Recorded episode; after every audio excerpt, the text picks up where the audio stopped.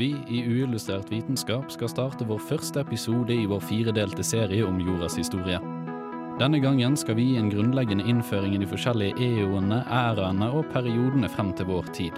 Og uttale ord som paleopoterozoikum, neopoterozoikum og kri kritt. Hallo, hallo, og hjertelig velkommen til denne ukes sending av Illustrert vitenskap. Mitt navn er Andreas Haugland. I dag òg. Med meg i studio har jeg Andreas. Hei! Jeg har Kristine. Hallo! Og jeg har Martin. Hallo. Ja, En hel uke siden sist, og vi har et helt nytt spennende program å tilby dere. Denne gangen skal vi ta turen innom noe som vi har valgt å kalle for temaet jordens historie. Og vet du hva? Det skal være en serie på flere episoder. Hei! Så nå i dag skal vi da ta for oss litt mer om eh, epoker, ærer og alt mulig sånn eh, med det, og hva som har skjedd sånn litt generelt, da. Hvordan ellers går det med deg, Andreas? Uh, litt syk. Du er litt syk? Uh, litt sykt gira eh, på jordas historie. Du er det, ja? Jeg er det. Eh, nei, men det går veldig fint med meg. Ja. Jeg er veldig klar. Jeg bare, an, jeg bare antar at det er bra, rett og slett. Og så Ja, ja. antar jeg at dere to andre har det bra, for nå kommer nemlig eh, første låt for i dag, og det er låten 'Håp' av gruppen Norsk Rock. Du hører på Jordas historie med uillustrert vitenskap på Radio Revolt. Og for en fantastisk låtriple. låt, Riple. Er- Eller synging. Ja, hvorfor, hvorfor synger du ikke mer?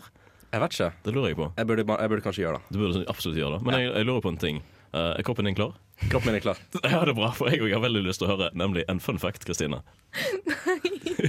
Ok, jo. Eh, jeg har en fun fact, Ja, rett og slett. Fortell. Og det, det fant jeg ut av eh, tidligere. Så, visst, eh, så snurret jorda fortere, tydeligvis. Så for eh, i karbontiden, da oljen vår ble dannet, Mhm. så var et døgn på 22 timer. Det er to timer kortere enn nå i dag. Ja, det stemmer. Det er faktisk helt Wow! Og tidligere enn det så snurret det sannsynligvis fortere òg, men det fant jeg ikke noe data på. Nei, det var ingen som hadde tatt målinger da. Nei, Nei. sannsynligvis ikke. Men vet du hva? Vi skal òg faktisk videre og høre litt på det første greiene vi skal snakke om i dag. Men før vi kommer så langt som det, så kan vi jo si litt eh, om nemlig eh, hva vi skal gjøre, og hvordan ikke minst vi har kunnet målt dette her som vi skal sjekke. Altså, for Vi skal jo prate om tidsperioder, ærer, eoner, og generelt hva som skjedde i de forskjellige eh, disse periodene. Eh, og måten vi veit hva som har skjedd, je- je- blæ, blæ, det er rett og slett ved hjelp av geologiske teknikker. Altså, du graver deg ned. Jo lengre ned du kommer, jo eldre er steinartene som er der. Eh, Det ble allerede så tidlig som i 1669 eh, en, skrev en tekst eh, som argumenterte for dette. her. Jo Litt sånn kontroversielt og vanskelig, da, for dette var jo en tidsperiode der en tenkte at fossilene kom ovenifra. Gjerne fra en eh, divine inspiration, aka en gud. eh, Og at ikke folk trodde at dette var noe som hadde levd for mangfoldige millioner år siden. Dette var jo òg en tid der folk brukte igler for å liksom uh, Ja, fikse sykdommer og shit, så det sier litt. Det sier veldig mye. Uh, og uh, han eh, Nicholas Steino, italieneren, mener jeg å huske, eh, skrev, argumenterte dette og da, vis, fortalte han at han kunne dele inn jorda i forskjellige lag, nemlig eh, primær, sekundær, tertiær og kvartiær, som du har hørt om fra geografien på videregående eh, eller ungdomsskolen, så tidlig som det. Eh, noe som egentlig har et lite problem med seg, fordi det er ikke alltid at den rekkefølgen er lik over alle steder på jorda, og ikke minst at det ikke er samme type steiner.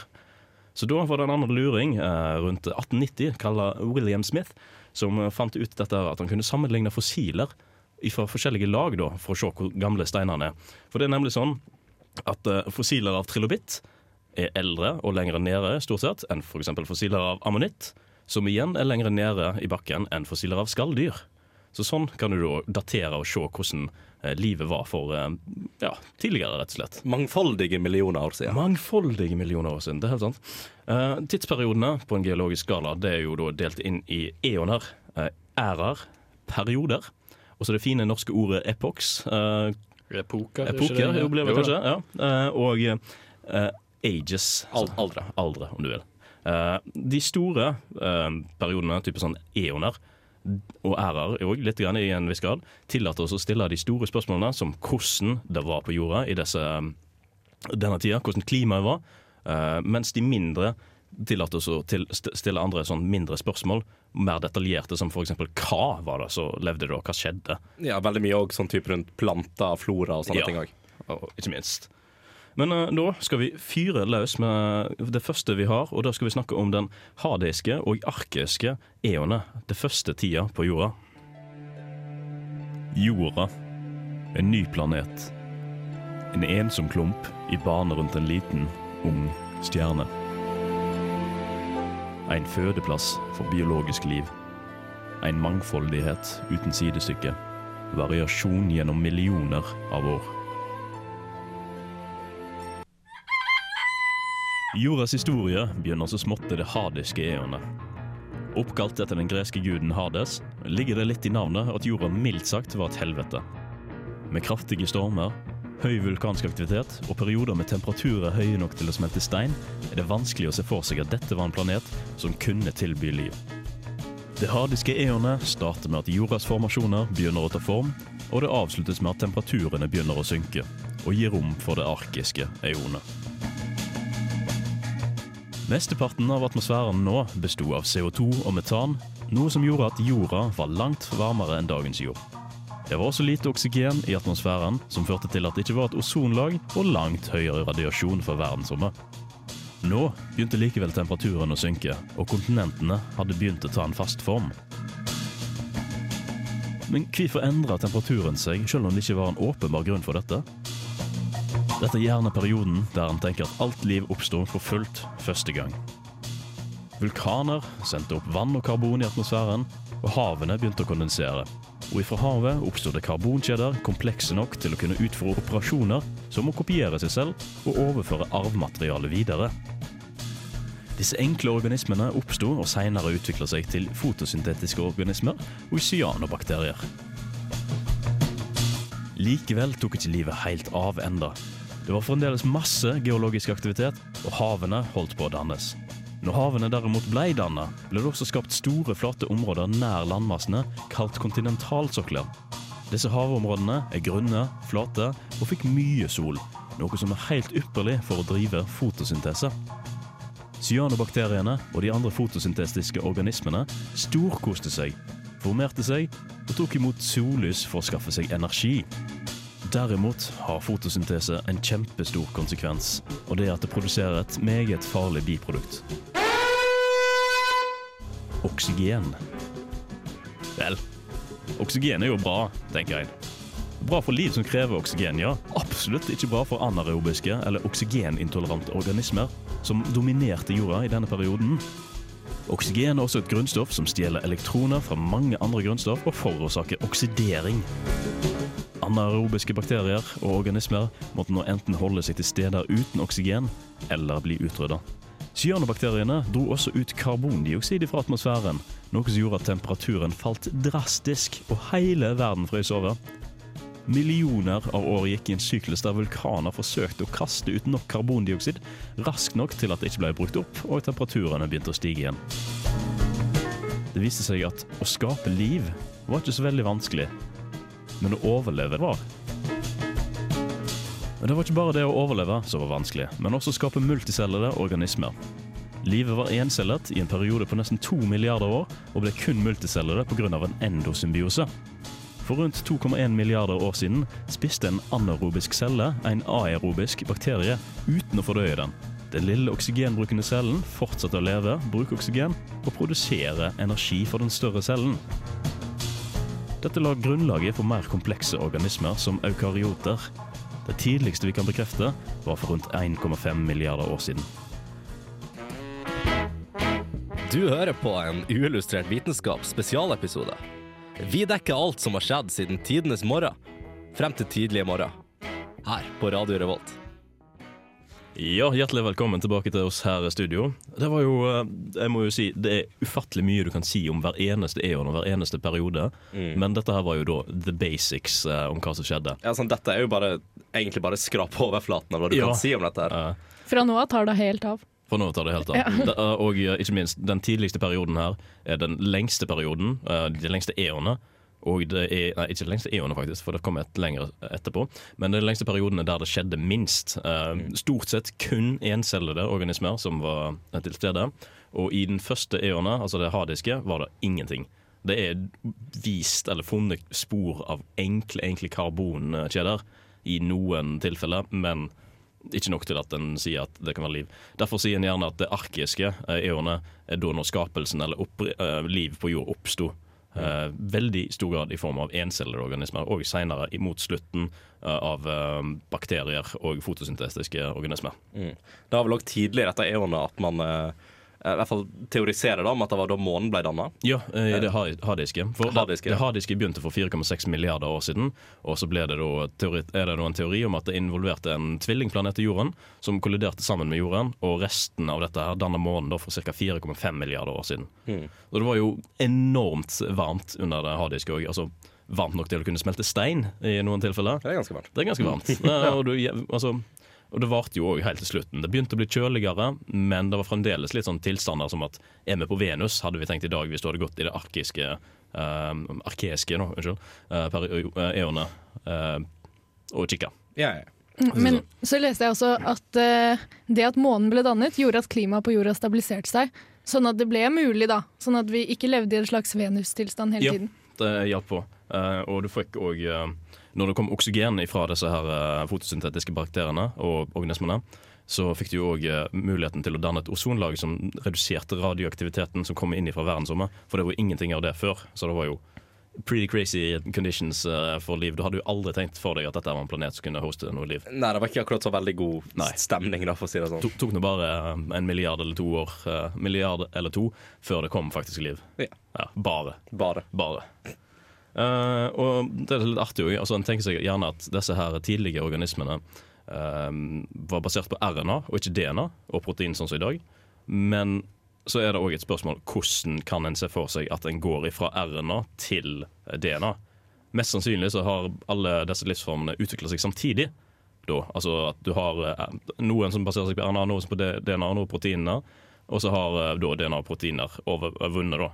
Mm. eh, over RNA-basert livsformer. Fordi Ja, fordi Jo, fordi eh, DNA er mye, mye mer stabilt enn det RNA er. Mm. RNA vil brytes ned mye fortere enn det DNA vil gjøre, så derfor så vil DNA-organismer ha en større overlevelse, og derfor eh, gjøre det bedre i evolusjonen. Mm. Uh, hvis, du kan lese mer om akkurat dette med um, RNA hvis du ser opp uh, RNA World eh, Hypo Eh, og kan finne om det. Det er ganske spennende. Absolutt eh, verdt å, å ta en liten kikk innom. Uh, mot slutten av dette her da, så er det jo snakk om den um, store nedkjølingen uh, som skjedde uh, før den proteozoiske eonet, som er det andre eonet vi har. Og vi fikk en massedød da, som vi skal snakke mer om i neste ukes sending. Det blir også, veldig, jeg tror det blir en veldig gøy sending, det òg. Ja, men sk eller gøy, og gøy. Gøy og Vi skal gøy. snakke om alt det verste som har skjedd på jorda noensinne. Men det er også, også det som er veldig mye spennende. Altså, Ja, ja, ja. Hva i alle dager var det som egentlig skjedde, og hvordan kan vi finne ut av hva som har skjedd? Nettopp. Det syns jeg blir veldig artig å sjekke. Martin, nå skal vi videre. Ja, det skal vi. Det skal vi. Nå skal vi ikke til Bergen, men vi skal til en mes mesoproterozoikuske.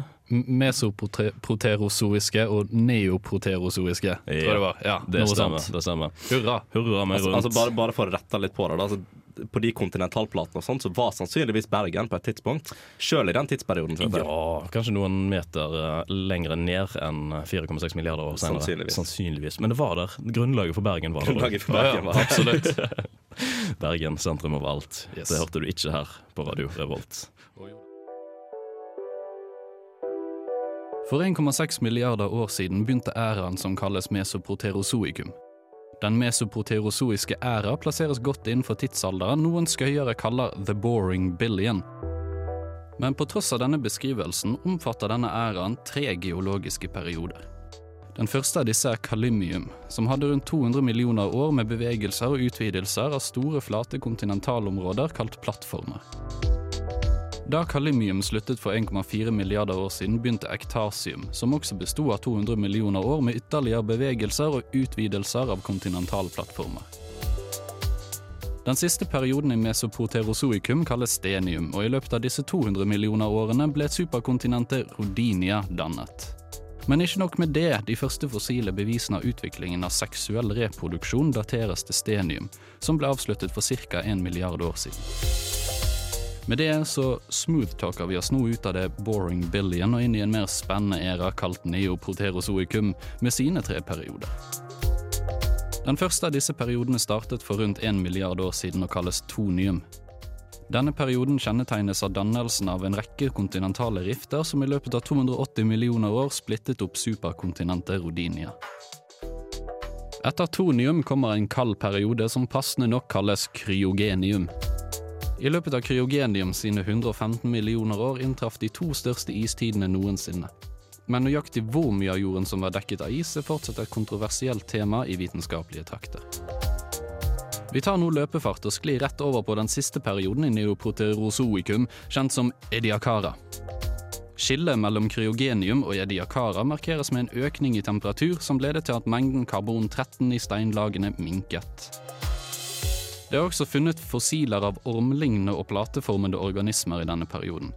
Men hva de drev med, om de kan klassifiseres som dyr eller planter, er veldig usikkert.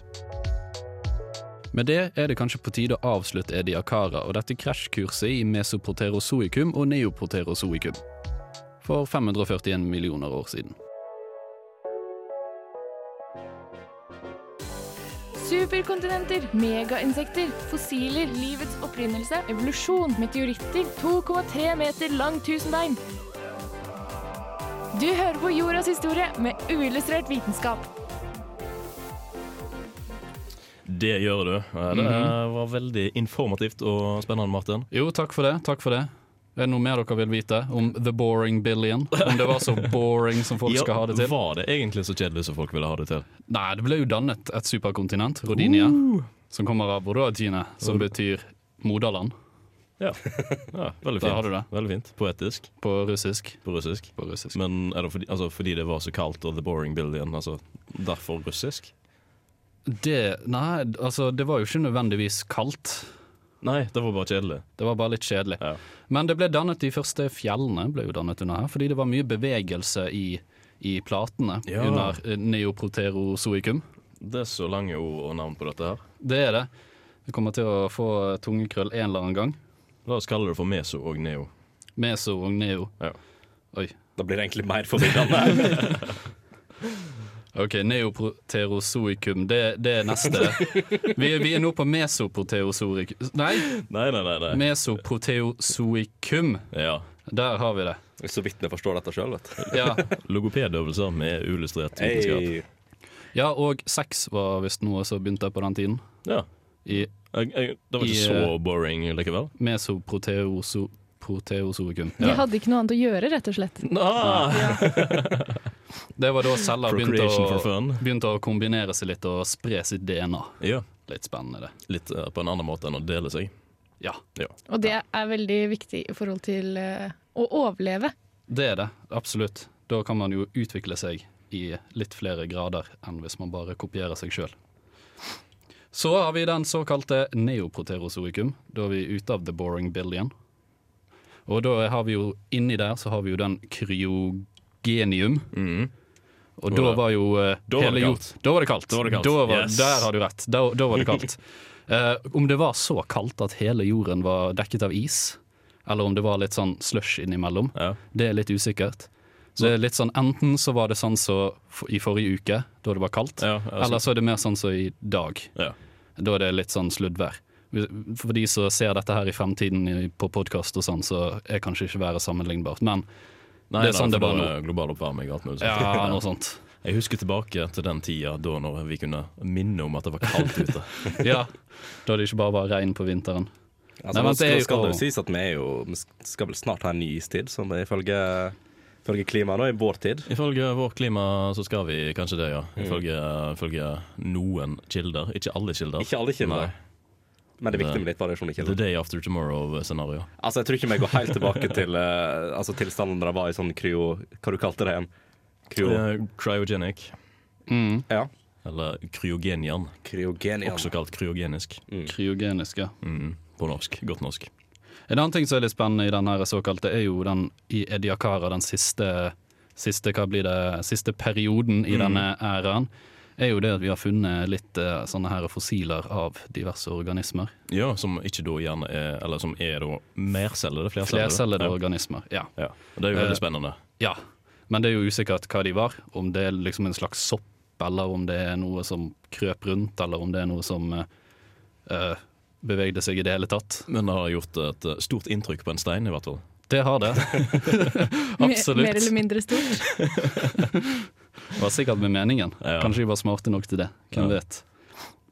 Det er veldig mm, interessant, eh, for dette her er jo en periode som bygger opp til en himla stor eh, ja, eon, og faktisk eh, mange, mange perioder og RR. Og mm, det er jo også ofte kalt for uh, prekambrian-periode, altså tida før den store kambriske episo episoden, ja, altså R-ene, som vi skal snakke om, om lite grann. Ja, for altså typ kambrisk, det er sånn Det er ikke det spesifikk type fossil?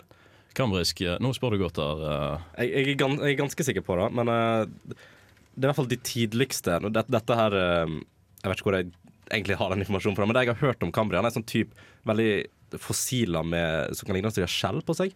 De, Ja. fant masse, de fant masse fossiler. Det, jeg skal si veldig mye om det etterpå. Men de, de fant i hvert fall veldig mye fossiler derfra.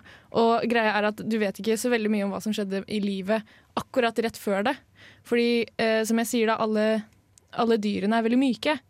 Altså De har ikke skjell, de er myke, så Ja, sannsynligvis så ligger de bare sånn typ, Det kunne ha vært masse maneter, for alt vi vet. mm. Men maneter lager ikke inntrykk på steiner, så derfor vet vi absolutt ingenting om det. Nei, og maneter har ikke mulighet til å komme opp og eh, bli fanget i amber heller. Nei. Uh, så det er Rav, som det heter Rav på godt norsk. Ja. Ja. Rav, ja. Det er mange fine ord her som jeg ikke har så veldig mange gode norske ord på. Det er problemet med internett. vet du. Ja, Vanskelig å finne norske kilder. er Av og til. Gode norske kilder. kan Gode, ja, det, det er det. Problemet med mange av disse tidlige tidene er at det, vi har veldig få muligheter for å vite noe om de. Mm. Fordi at det, det eneste vi vet er egentlig ut av steiner og fossiler. Men når det ikke er så mye steiner og fossiler å se på, så, så, kan, ikke verden, så kan ikke de fortelle oss så veldig mye om hvordan livet var. da. Nei, nettopp. Jeg gleder meg til å høre mye, mye mer om dette her. Før vi kommer så langt som dette, så skal vi ta en tur innom en liten låt til. Det er en eh, vakker, vakker låt, eh, en rolig låt av 'Mens alle andre sover' av gruppe nummer fire. Den får du her, og nå på Radio Revolt. Vi står overfor en vanskelig tid. En tid med store omveltninger globalt og et raskt skiftende klima. Ressursene er ujevnt fordelt, og det kan til og med se ut til at jordas artsmangfold er i fare. Jeg snakker jo selvfølgelig om den paleozoiske æra, 540-252 milliarder år siden. Etter siste Snowball Earth varmes jorda gradvis opp, spesielt havet, og er ypperlig for utvikling av liv. Den kambriske perioden er derfor spesielt kjent for den kambriske eksplosjonen, en beskrivelse som brukes på at det har funnet masse ulike skjellkledde fossiler fra den tiden. Før hadde livsformene vært ganske myke og ikke dannet fossiler, men nå hadde artene skjell og ble mye bedre bevart. Den mest kjente derfra er trilobitten. Temperaturen fortsatte å stige inn i den ordovisianske perioden, selv om det var relativt kaldt på land. Det store kontinentet Gondwana, som tilsvarer dagens Afrika bl.a., lå der Sørpolen ligger i dag, og lå under is. Klimaet og at store landarealer lå under vann, som kontinentalhyller med relativt grunt vann, la til rette for at livsformene som da eksisterte, bevegde seg så smått opp på land. Men det var ikke før i devontiden at man ser at livet virkelig utvikler seg på land. Plantelivet besto stort sett av bregner og sneller som dannet skoger på de sørlige kontinentene, og dyrelivet var mest ledddyr. Men det var i havet man fant mest mangfold og utvikling, spesielt hos fisk, og derfor kalles perioden ofte gjerne for the age of fish. Perioden hadde også mye tektonisk aktivitet, og Appalachian Mountains i Nord-Amerika, og var da den gang høyere enn Himalaya er i dag. Flere av kontinentalplatene kolliderte, og utover i karbontiden satt alle sammen i et stort kontinent kalt Pangea. I denne tiden fantes det store skoger med trær. Disse trærne hadde stoffer i seg som gjorde at de kunne vokse seg store og høye uten å knekke. Men siden ingen sopper eller bakterier kunne brute de ned ennå, råtnet ikke, men ble heller til det vi graver ut som kull i dag. Siden trærne bandt opp så mye CO2, og dessuten lagde oksygen, ble oksygennivåene i atmosfæren veldig høye. Noe som gjorde at insekter og amfibier, som vanligvis har ganske ineffektive respirasjonssystemer, kunne bli store, mye større enn det de er i dag. Eksempel er det funnet et skorpionlignende dyr som var over 70 cm langt. Men det varte heldigvis ikke. Pangea bød på hardt, tørt og kaldt klima. Noen landdyr trivdes, men hele perioden, både perm og paleozoikum, endte med at nesten alt liv som hadde oppstått og trivdes, døde ut. Uillustrert vitenskap tar deg tilbake til tiden da du ikke fant kakerlakker under kjøleskapet, men kjøleskap under kakerlakken. Her på Radio Revolt. Og det stemmer. For en spennende tidsperiode det må ha vært. Ja, og den, den var ikke for eh, milliarder av år siden, men det var millioner. 521 milliarder år siden, eller 541 var det kanskje. Det er ganske lenge siden. Det er litt vanskelig å oversette engelske tall til norsk. Ja, veldig vanskelig. Ja. Jeg så jo at jeg bomma litt nå med denne Cambrian-antagelsen min, men eh, du gjorde litt research, ja. jeg, ja, men vi hørte jo da nå at det var skjell ble danna under denne tida, Ja. og Ja. ikke, ikke før. Dæven, så flaut. Det er skikkelig pinlig. Det er ganske Jeg flaut. skammer meg. Ja. Og det, men det er litt morsomt, da. Det er da man faktisk finner eh, fossiler av ting fordi, eh, fordi at dyrene er harde. Og de lager da inntrykk på steinene. Mm. Og eh, sånn som trilobitten, da. Det er den vanligste dyret fra den tiden. Eller organismen, jeg vet ikke hva jeg skal kalle det. Men greia er at de finner trilobitter overalt. De har funnet trilobitter fra hele jorda. Og, eller over hele jorda, da, Mm. så har de funnet trilobittfossiler. Og eh, det er folk som har gjort det til en karriere, går rundt og leter etter trilobitter. Og de var Det var veldig mange, og de var overalt. Og det er derfor de kaller det The Cambrian Explosion, da, fordi at det var sånn Plutselig så fant de supermye fossiler fra den perioden. Ja, og da det, ligger det et visst nivå da, på en måte i bakken. altså Samme nivå er fullspekka med trilobittfossiler. Ja, eh, det er eh, masse trilobitter senere også, Ja. men det var der man begynte å finne de, da. Mm. Det, det er en art Eller det er en, en artsgruppe, skal jeg kalle det, eh, som, som det, det fantes veldig mange varianter, da. Og de levde ganske lenge. De levde til en sånn stor masseutryddelse. Ja. Mm, One of the big ones. ja. Så alt blir jo utrydda, det er jo så kjedelig. Ja, det er en del av uh, jordas historie, det. Ja ja, men mm. Det er veldig viktig. Ja, det er veldig viktig. Men det er jo det, uh, du ser jo òg i boreprøver, kjerneboreprøver, uh, som de da gjør i mindre skala, i is eh, og under isbreer. eh, Så finner du jo òg spor av liv, og du finner spor av bakterier og sånt. Og det samme gjør du med um, Jeg så en dokumentar nå nylig der de sjekka ut den store kometen som utrydda dinosaurene. Eh, der de tok båter langt ned i sokkelen og hadde flere hundre meter med boreprøve eh, for å sjekke da hvordan jord, jorda hadde endra seg i det nedslaget. da, Altså hva som skjedde med både mm, grunnstoffinnhold og eh, fossile rester og alt mulig sånt. Mm. Så det er jo noe som eh, brukes igjen i sånne type analyser. Ja. Eh, Og en annen ting med denne perioden, da, det er at eh, sånn som jeg forteller om det, så høres det ut som det er ganske varmt og rolig og deilig hele tiden. Men det er egentlig den store trenden er at det er ganske varmt, mye varmere enn det er i dag eh, på jorda. Men det var store perioder hvor det ble sånn superkaldt. Så det svingte mellom at det var sånn veldig varmt, og havnivåene var ganske høye, til at det ble sånn kjempekaldt og istid, og, liksom, og så ble det varmt igjen, og så Ja. ble det istid igjen, og så skjedde det Den meste av utviklingen av livet skjedde trolig når det var, når det var eh, varmt, da. Men sånn som det at, det at geologien hele tiden er i endring, og det at klimaet hele tiden er i endring, det gjør at liv eh, kan få ulike nisjer, da, der Mm. de kan utvikle seg. Men er ikke det også en litt konsekvens av eh, altså typ det at det er ett stort kontinent for det meste? Altså Når kontinentet sprer seg, det er jo noe jeg kommer til å snakke litt mer etterpå, da, men da er det på en måte mer, det er mindre variasjoner, i hvert fall i den perioden når selve splittelsen er. Men det at det er ett stort kontinent, gjør vel at altså, det blir mer sånn fluctuations da, i, i klimaet, hvis ikke det er helt feil. Ja, og greia med den perioden her er at det begynner som ett stort kontinent, men så deler platene seg. Mm. Og så krasjer de igjen til å bli et nytt stort kontinent. Så du har både det at det er ett stort kontinent, og så får du variasjonen eh, når det bryter opp. Og så får du også da eh, en stor variasjon når det krasjer sammen igjen. Da. At det skjer veldig mye sånn uh, på hva skal jeg si, småskala. Det er ikke sånn store trender, men det skjer sånn småtteri hele tiden. Mm. Og det gjør jo det at eh, dyra må hele tiden tilpasse seg, og plantene må tilpasse seg for å overleve. Og det er det som skjer da når du kommer ut i ja, den kambriske eksplosjonen, men også ute i karbontiden, eh, hvor det var mye trær og sånn. Og disse trærne de kunne jo vokse seg kjempehøye. Eller ja, kjempe og kjempehøye, men i forhold til da, da, for de hadde dannet et ganske effektivt stiveslag i liksom Hva skal jeg si stammen. Ja. Mm. Men ingen kunne bryte ned, fordi at dette fant trærne opp først. Og så måtte soppene finne enzymer for å bryte det ned. Men det tok litt tid, og det var derfor vi fikk olje, da. Ja, fordi Ah. da lå det store rester av altså biologiske materier da, som senere ble komprimert uten at det ble fordøyd eller spist av andre Ja, eh, fordi nedbrytere. det ble, det ble rett og slett ikke brutt ned. Sånn som Du vil ikke få olje fra i dag, for eksempel, fordi du har ikke så mye biomateriale som ikke brytes ned. Nei. Det meste brytes ned fordi det er eh, dyr. Og det er òg en liten eh, en myte akkurat det med at olje er ikke akkurat så veldig mye dinosaurer som en gjerne skulle tro. Nei, for dette var før dinosaurene levde. Ja, lenge før. Eller ja, noen få millioner år eh, før. Men eh, det er stort sett biologisk materie. Eh, det skal kanskje du snakke litt mer om?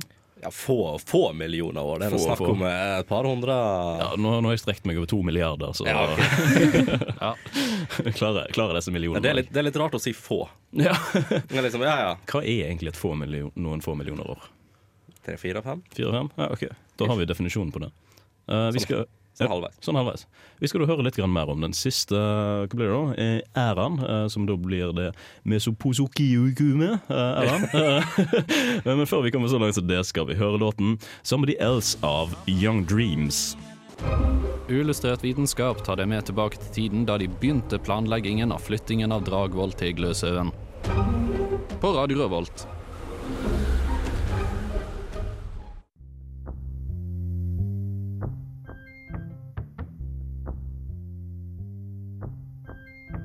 Året er 252 millioner år før Kristus. Mye greier har skjedd, og nå skal det skje enda mer. Hvem hadde sett den komme?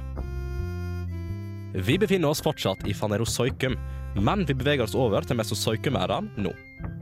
Denne æraen er kjent som jordas mellomalder og The Age of Reptiles, fordi du veit, det var mye reptiler og dinosaurer på denne tida, men det kommer jeg tilbake til senere. Men la oss kartlegge hva Mesozoikum-æraen egentlig er for noe. Som sagt, den æraen er fra 252 millioner år før Kristus, altså direkte etter Paleozoikum, og inneholder noen av de mer kjente periodene i jordas historie. Vi har Trias, som er omtrent fra starten av æraen til rundt 201 millioner år før Kristus. Jura, som er fra omtrent 201 millioner år til 145 millioner år. Og til slutt Kritt, som varer fra 145 millioner år til 66 millioner år før Kristus. Det som ligger veldig mye i felles for alle disse periodene, og som egentlig da er et helt begrep for selve mesozoikum-æraen, det er fremveksten av dyr. Og da etter en ganske drøy utryddelsesevent, men da igjen kommer vi tilbake til seinere. Starten av mesozoikum er den siste tida vi hadde med Pangea. Men Pangea var i grunnen et ganske kjipt superkontinent. Klimaet var tørt og utfordrende. Og selv om liv og nye dyreraser vokste frem etter masseutryddelsen, var det fortsatt veldig vanskelig for livet å virkelig kunne blomstre. Tektonisk sett så var tida ganske rolig. Og det var i grunnen ikke altfor mye som skjedde, helt til Boom! Pangea splittes! Woo! Det er god stemning, og drivhuseffekten klikker helt sinnssykt. That's right, vi er i Jura. Jurassic Park. Det er bare synd vi ikke skal snakke om dinosaurer nå, da. Men Jura er den midterste perioden i jordas mellomalder. Da at Pangea ble splitta, gjorde at temperaturen økte, og tropisk klima var omtrent overalt på jorda. Det skal sies at den temperaturøkningen ikke er så veldig mye i forhold til tidligere æra, men at den likevel er veldig relevant og en ganske vesentlig kontrast i forhold til Trias. Men det som skjedde etter at Pangea hadde vært splitta en stund, og dinosaurene hadde lekt seg i omtrent 50 millioner år, vil sjokkere deg. Velkommen til Kritt, den yngste perioden i jordas mellomalder. Og her er det veldig veldig mange forskjellige aldre fordelt på tidlig kritt og sein kritt. Og for vår alles skyld så tror jeg kanskje at vi ikke går inn altfor mye i detalj på disse. Men under splittelsen av Pangea så oppsto det et nytt superkontinent som het Gondwana. Som annet inneholdt Antarktis, Sør-Amerika, Afrika og Australia. Splittelsen den fortsatte jo da i kritt, og annet India og Afrika ble løsrevet fra dette superkontinentet i løpet av den æraen. Bortsett fra dette så var jorda fortsatt veldig varm, og klimaet var egentlig ganske tropisk og varmt over hele kloden. Du hører på Uillustrert vitenskap. Vi presenterer jordas historie, ei reise gjennom tidsperioder, på Radio Revolt. Det gjør vi. Uh, veldig fint, eh, Andreas. Takk skal du ha, Andreas, for at du presenterte temaet så klart og ryddig for Takk, oss. takk Andreas. Uh, det var feil, Andreas. Vær så god, Andreas. Nå kan du få snakke. Hei. Hei. Um, altså Nå har vi vært gjennom uh, altså, egentlig de typ tidsperioder som jeg syns var kulest. da altså, Ja, vi har jo beveget oss nå fra 4,6 milliarder år siden til 66 millioner. Ja, nå begynner man å nærme oss eh, på å si slutten høres litt feil ut, men nåtiden i hvert fall. Eller hvem veit, det får bli utrydda hele tida. Ja, sant? Hvem vet. Men uh, i løpet av de siste 66 millioner årene så har det skjedd mye. Det har det. Men egent, altså, det har skjedd mye sånn type småting. Mm. Men liksom de aller store forandringene krever jo litt mer tid. Ja, absolutt. Men 66 millioner er jo en veldig kort tidsperspektiv når en ja, tenker i, forhold, i forhold til på dette her, ja. forhold til den skalaen vi har vært inne på. Mm. Altså bare Beklager for at jeg kalte det for soikum. Det er selvfølgelig soikum. Det er ikke det en altså, sci-fi-referanse her? Ja, somewhere. Men uh, da vi kom inn i det etter krittet er over, da kom vi inn i en æra som heter kenozoikum. Mhm. Eh, og da var det jo da ifra ja, 66 millioner år til nå. Eh, og de viktigste på en måte typ oppsummeringspunktene da, som jeg mener skjedde her, det er jo at kontinentene over tid, over da egentlig bare et par millioner år, ble til de kontinentene vi kjenner dem igjen som i dag. Og det er en ganske stor distanse. Altså, de har spredd seg veldig mye på disse årene. Det, det var subtilt. Var ingen merker. Ingen merker det. Ingen merker det. Det er veldig stor distanse de har spredd seg fra Pangea til uh, Nord-Ærlia i dag. Ja. Det er jo basically gått ifra å bli en klump, eller være en klump, til å bli nesten normaldistribuert over hele jordas overflate. Ja, sant? Vi, vi kaller det normalt nå, Ja. men Pangea var jo ganske normalt. Sant? Det var jo ganske normalt. Det er veldig gøy. Eh, men den første eh, type perioden da vi kommer inn i, det er den som heter paleogen. Eh, og den er da fra cirka den lengste perioden vi har i, um, vi har i Kenozoikum. Eh, og den varer da til ca. 23 millioner år eh, ja, før Kristus. Eh, og den er jo selvfølgelig delt inn i forskjellige epoker. Men det som er litt interessant, er at hele temperaturen på jorda i løpet av, eh, i løpet av disse årene, da, eh, den sank hele ti grader. Og det, var, det er ikke så mye. Nei, du tenker gjerne ikke det, men det har Men det har veldig veldig mye å si globalt. I hvert fall med tanke på at jorda ble såpass oppvarma når Pangea Ja. ble danna. Uh, og da med at temperaturen sank, da betydde vi begynte å få litt mer typ planter og ting vi kan kjenne igjen i dag. Da. Blant annet i palogen så fikk vi første gang uh, barnålstrær. Furu. God gamle furu. I morgen. Uh, og det som uh, Ja, egentlig furu er litt mer sånn type jeg, jeg jeg har lyst til å kalle det for treperioden. For at her ble det dannet trær. For at i neste periode som kommer, nemlig neogen, Ja. den varer da fra 23,3 millioner til rundt 2,5 millioner år siden. Da er vi nært nå. Nå begynner vi å nærme oss. Nå er vi nærme oss. Men her begynte, det å, her begynte vi å kjenne igjen steinformasjoner, som vi kjenner igjen i dag. Blant annet uh, fjellkjeder. Uh, Himalaya. Du har Alpene. De ble dannet rundt den tida her, iallfall i starten. Uh, og det fortsetter å bli kaldt. Ja, relativt unge fjellkjeder. De er faktisk det. Beklager. Jeg er syk. Det går fint. det går fint Ingen, ja. ingen som hører Det det. ingen som hører det. Men ja, kulden, kulden fortsetter da, og det gjør jo da at med denne metamorfosen som skjer, eh, at typ det blir fortsatt varma opp unnenfra. Og det gjør da at disse fjellkjedene på en måte spretter opp. Så de er, de er faktisk veldig unge. Eh, den aller yngste, hvis jeg ikke tar helt feil, er vel um, altså Grand Canyon og det der, altså de gropene sånn som ble danna. Mm. altså det er jo en slags fjellkjede, bare litt lenger nede. Jo, det er jo mye pga. veiring av is og vann som Mm. forårsaker fjord, både fjorder og canyons. Nettopp. Så er vel Grand Canyon litt sånn sandstein. Så Ja. det er vel Ja. Ganske porøst. ja, Det, porøst. det går relativt fort. Det gjør det. Men det som òg skjedde da i løpet av neogen, som òg er da en konsekvens av at det ble mye kaldere, det var at veldig mange av de gamle dyregruppene forsvant. Mm. Og så kom jo da absolutt eh, kuleste dyregruppa, holdt jeg på å si. Vi.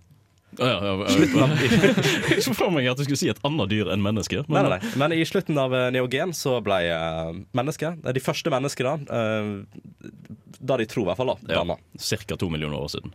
Ja, cirka, Cirka. rundt to millioner år siden. Men det er jo snakk om uh, veldig primitive uh, mennesker. Ja, ja. Arter. Altså, vi er jo før neandertal-stadiet, Ja. ikke. Pre, langt pre-steinalder. Langt, langt Ja, ja, ja. Uh, og så er det perioden vi er i i dag. Vi må jo nesten snakke litt om den òg. Ja, den er hyggelig. Eh, kvartær heter den, da. Mm. Eh, men her var det òg litt sånn debatt, sånn som du nevnte tidligere, at det triatær eh, var jo egentlig det de ville kalle kombinasjonen av neogen og kvartær, det som kalles triatær.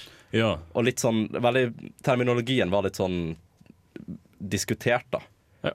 Eh, men eh, ja, det som egentlig skjedde nå i kvartær, det er at eh, plantene har utvikla seg til å bli sånn som det er i dag. Floraen har blitt eh, sånn som den er i dag. Det er egentlig da ting begynner å ligne mer på sånn som ting ser ut i dag. Det ble mye større slette i stedet for eh, mye tett tropisk skog, f.eks.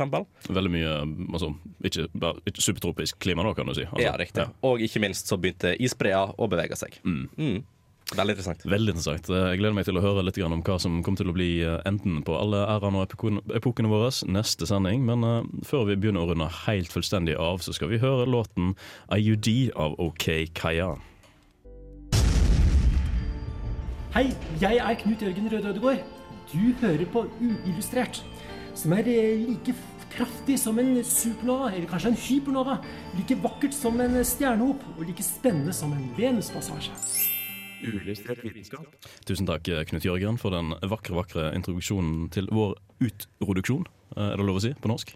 Ja, Ja, kanskje det. Tror dere det? Tida der man ror ut tida. Noe sånt. Noe det, sånt. det, det er et eller annet der. Jeg syns det har vært uansett veldig spennende og informativ sending uh, nå i dag. Nesten har- overinformativ. Det har faktisk vært så mye research. Ja, det har vært så mye å snakke her at vi ikke har kunnet tatt alle detaljene som vi gjerne skulle ønske, men vi håper likevel at vi har dekket det meste, sånn at dere som lytter på, har fått noe ut av sendingen. Som vanlig så vil jeg jo gjerne si at eh, vi tar imot spørsmål på meldinger på Facebook, og gi oss en like der mens du er i gang. Og du finner våre podkaster både på Spotify, ja, Spotify nå, Spotify, ja. og eh, iTunes, og ikke minst på radiorevolt.no. Vi takker for i dag med låten 'Tryllefløyten' som vanlig av Fjorden Baby. Mitt navn har vært Andreas Haugland, og med meg i dag har jeg Andreas. Ja, Jeg Ha har det bra. Kristine, Ha det bra. og jeg har hatt Martin. Ha det bra. Takk for oss.